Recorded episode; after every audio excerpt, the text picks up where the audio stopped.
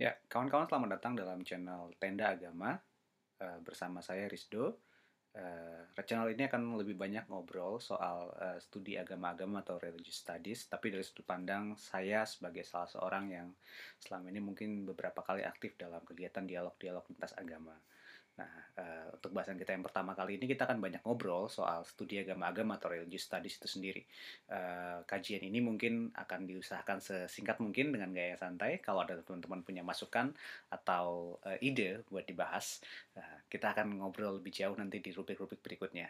Secara spesifik kali ini saya akan bicara soal studi agama-agama. Itu sesuatu yang berbeda sebenarnya dengan kalau kita pikir soal pendidikan agama atau studi teologi. Di Indonesia memang kajiannya belum terlalu seksi ya, nah, tidak seperti cultural studies yang begitu banyak melibatkan disiplin ilmu.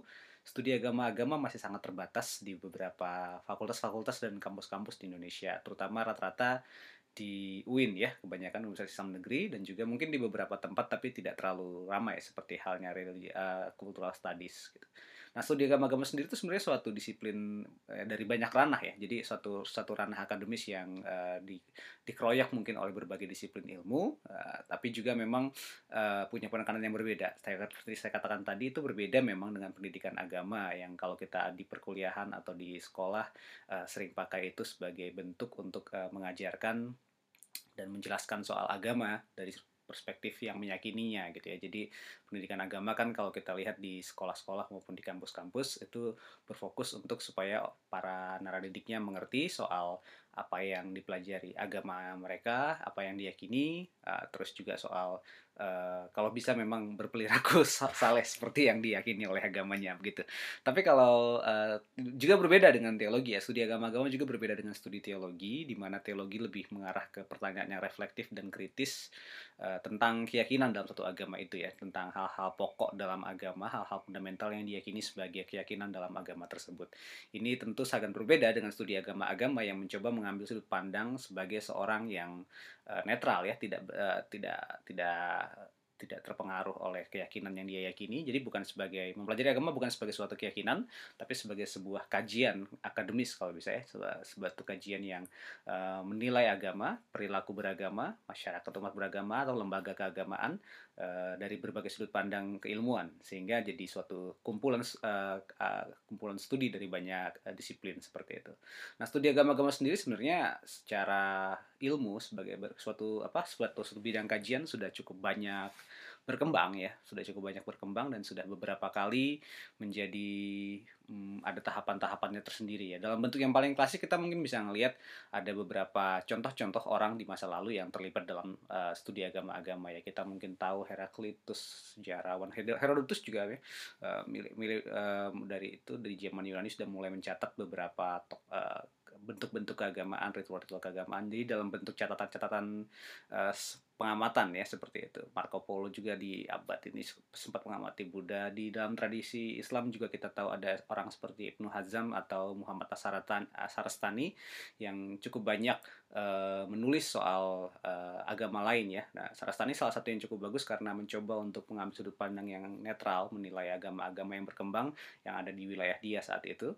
Terus juga kita ingat mungkin beberapa contoh di tradisi klasiknya Eropa ya. Uh, paling paling awal sekali mungkin Peter the Venerable ya uh, Peter dari Montboisa Montboise saya nggak tahu baca itu gimana.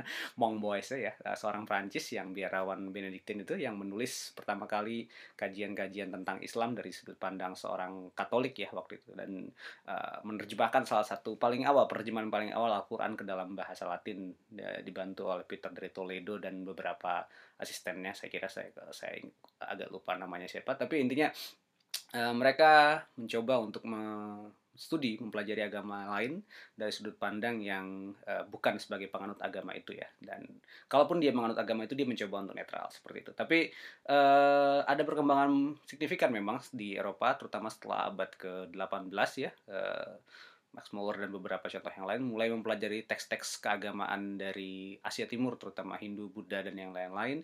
Nah, terusnya akhirnya mereka mulai untuk uh, mengkaji secara serius studi agama-agama dan waktu itu memang pendekatannya lebih ke arah uh, menjelaskan, menguraikan, membandingkan, menginterpretasi dan seperti itu ya. Jadi uh, pendekatan yang memang masih sangat uh, dicoba untuk menjelaskan agama-agama uh, tertentu gitu. Itu juga pendekatan yang sempat juga jadi uh, tren juga dalam studi agama-agama agama ya perbandingan agama terus akhirnya jadi membandingkan satu dengan yang lain gitu kan. Tapi pendekatannya sekarang jauh lebih kompleks karena dalam eh, kajian-kajian yang makin baru uh, banyak disiplin ilmu juga terlibat gitu ya. Terutama kayak sejarah terus antropologi terus bahkan sosio psikologi sosiologi gitu ya. Terus juga bahkan dalam beberapa kasus kajian-kajian hukum dan kajian ekonomi gitu ya itu juga menyangkut uh, jadi uh, menjadi sesuatu bagian dalam uh, studi agama-agama. Bahkan dalam tradisi yang lebih baru lagi ya neuroscience gitu ya kajian kajian-kajian yang lebih sifatnya menjelaskan perilaku seseorang beragama itu justru banyak sekali dipelajari. Nah itu memang perkembangannya dan tapi di Indonesia memang uh, paling banyak dulu memang jadi ini ya perbandingan agama gitu. Sesuatu yang uh, niat awalnya jadi semacam sarana dakwah gitu. Jadi sarana untuk menjelaskan agama lain di beberapa kampus-kampus Kristiani atau beberapa kampus-kampus Islam. Kadang-kadang Islamologi atau Kristologi dipelajari sebagai uh, kajian tersendiri gitu ya. Jadi untuk sebagai senjata untuk mendawai kelompok yang lain gitu. Ya ya ya. Tapi ada ada masa-masanya. Nah sekarang uh, religious studies lebih ke arah pandangan yang mencoba netral mungkin ya. Tidak terbiaskan oleh keyakinan dia sendiri. Dan mencoba menjelaskan tentang agama lebih jauh dan juga untuk tujuan memahami. Uh, tujuannya memang bisa macam-macam ya. Jadi uh, dalam bentuk yang paling klasiknya sih memang jadi pertanyaan paling dasar itu biasanya untuk memahami kelompok lain atau juga untuk uh, menjadi sarana terutama di agama-agama yang misioner seperti Islam dan Kristen yang menekankan supaya kita bisa mem uh, mempelajari agama lain supaya bisa masuk gitu.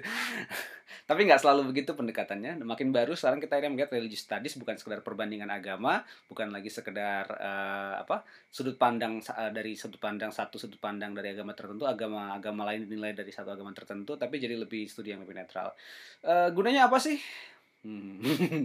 Mungkin banyak orang yang bertanya seperti itu ya. Emang ngapain belajar agama-agama? Satu hal, uh, kawan-kawan memang di zaman sekarang Eh, perkembangan sudah sangat luas ya dan kita sangat terbuka dan sangat mungkin bertemu dengan orang berbagai agama dari dunia. Dunia sudah sangat begitu global gitu. Jadi uh, studi agama satu hal yang mungkin penting juga untuk dipelajari sebagai bagian dari pendekatan untuk banyak aspek ya termasuk pergaulan termasuk pembangunan termasuk uh, mutual understanding gitu ya. Kalau saya pribadi sih memang menyukai studi agama-agama uh, dalam konteks karena saya juga terlibat dalam dialog lintas agama. Apakah itu cukup berpengaruh? Iya karena memang dalam beberapa hal uh, bisa membantu kita untuk memahami yang lain. Tapi juga tidak selalu bahwa berarti dialog lintas agama mutlak membutuhkan studi agama-agama dan harus berdasarkan itu. Tidak juga ya.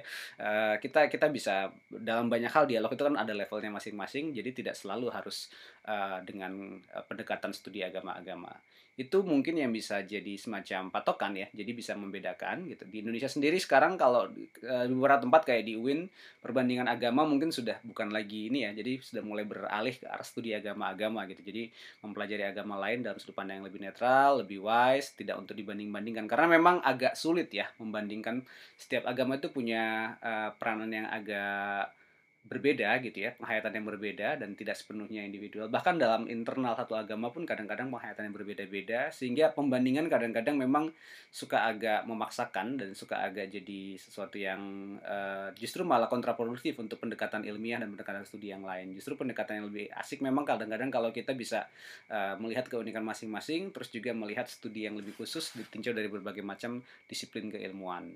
Itu memang uh, sekedar pengantar untuk studi agama-agama. Jadi untuk membedakan mungkin kalau teman-teman bisa melihat kalau hal-hal teologis itu sifatnya memang lebih reflektif dan kritis dan dimunculkan dari uh, pertanyaan-pertanyaan yang ada dalam agama tersebut dan dicoba dijawab dengan reflektif dan kritis dan dipertanyakan kembali refleksinya berkali-kali gitu ya. Jadi uh, studi agama-agama tidak akan menjawab pertanyaan apakah kamu mempercayai bahwa Yesus itu ilahi, apakah kamu mempercayai bahwa Quran itu kalam Allah bukan, bukan. Itu bukan kajiannya studi agama-agama. Studi agama-agama kan mencoba melihat bagaimana agama mendeskripsikan keyakinan masing-masing tersebut, tapi tidak untuk uh, masalah yakin benar atau membenarkan atau tidak membenarkan itu gitu ya. Jadi kalau pertanyaannya itu mungkin lebih banyak dicocok ditaruh di teologi atau di studi-studi keagamaan yang sifatnya apa ya jadi kajian keagamaan internal ya kebanyakan seperti itu. Tapi uh, studi agama mungkin bisa menjawab pertanyaan-pertanyaan seperti uh, contohnya ya kalau kita lihat Uh, bukan soal apakah uh, Muhammad benar merupakan nabi yang diutus oleh Allah itu kan uh, pertanyaan yang spesifik dijawab dalam teologi Islam gitu. Tapi kalau pertanyaannya seperti kenapa Islam begitu cepat berkembang gitu ya di abad ke-7 itu dalam waktu yang singkat uh, dari suatu tempat yang kecil di Arabia menjadi berkembang gitu ya begitu besar. Nah, itu bisa. Itu jadi bagian kajian dari studi agama-agama, mungkin studi perkembangan agama jadinya ya.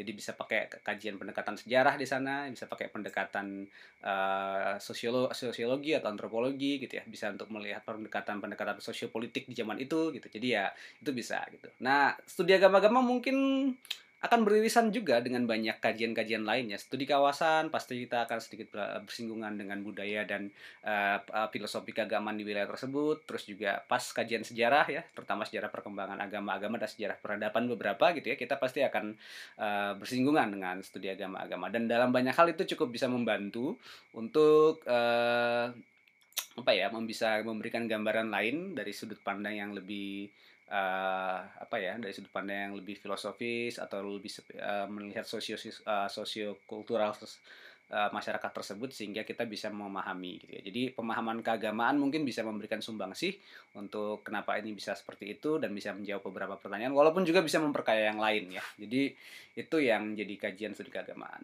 Uh, sejauh ini memang di Indonesia lebih banyak deskriptif ya. Jadi memang menguraikan gitu ya uh, tentang agama-agama lain. Dan memang itu masih jadi satu kebutuhan karena di masyarakat kita belum terlalu banyak mengenal gitu ya apa yang diyakini oleh walaupun kita dari dulu sangat beragam gitu ya tapi diskusi-diskusi soal itu memang hampir tidak ditemui ya dalam keseharian kurang ditemui dalam keseharian. Kita jarang berdiskusikan terutama hal-hal yang sifatnya keyakinan dan bagi sebagian orang mungkin sensitif ya. Jadi itu kadang-kadang memang tidak bisa dipahami dengan baik.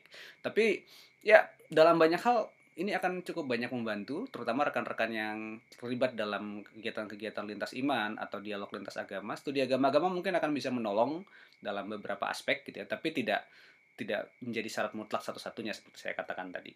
Nah, itu mungkin yang bisa saya kasih pengantar sedikit soal studi agama-agama. Nanti kita di uh, Rubrik-rubrik berikutnya mungkin akan banyak bercerita soal apa saja yang dikaji, terus juga uh, bagaimana kita juga belajar tentang agama-agama yang lain gitu ya, tentang uh, sekian banyak uh, yang pernah bisa ini. Saya nggak bisa menjamin saya ngerti semuanya, nanti mungkin akan ada rekan juga yang ber berbagi, tapi saya mencoba sejauh yang saya bisa untuk uh, membahasakan ini dalam bahasa yang lebih awam, supaya rekan-rekan bisa melihat uh, signifikansinya studi agama-agama dan betapa pentingnya itu juga buat uh, apa yang kita bisa kerjakan sembangsi kita buat peradaban jailah peradaban gitu ya. Nah, rubrik ini dalam channel Tenda Agama akan selalu ada teman-teman dan akan mencoba untuk uh, mendiskusikannya bersama teman-teman sekalian. Uh, kalau ada hal-hal yang teman-teman ingin ketahui atau hal-hal yang mungkin juga teman-teman punya ketahui lebih jauh gitu ya, bisa bertambahkan di kolom komentar gitu ya. Jangan lupa untuk uh, uh, follow subscribe channel ini ya, subscribe channel ini dan uh, nyalakan notifikasinya. Uh, kita akan banyak berdiskusi soal agama-agama uh, dan juga perila uh, segala aspek yang meliputinya dan sejauh mana itu masih relevan di zaman ini itu juga jadi pertanyaan yang tentu jadi refleksi kita bersama-sama. Tetap ikuti di tenda agama-agama karena kita akan tinggal ngobrol sejenak di tenda gitu ya sangat fleksibel untuk bisa uh, diganti kapan saja sangat fleksibel untuk dibawa ke mana saja tapi kita bisa sama-sama welcome di sini dengan ngomong yang lebih santai. Terima kasih rekan-rekan, jangan lupa untuk uh, memberikan dukungan pada channel ini. Saya Rizdo undur diri untuk sejenak. Uh, sampai jumpa di episode berikutnya.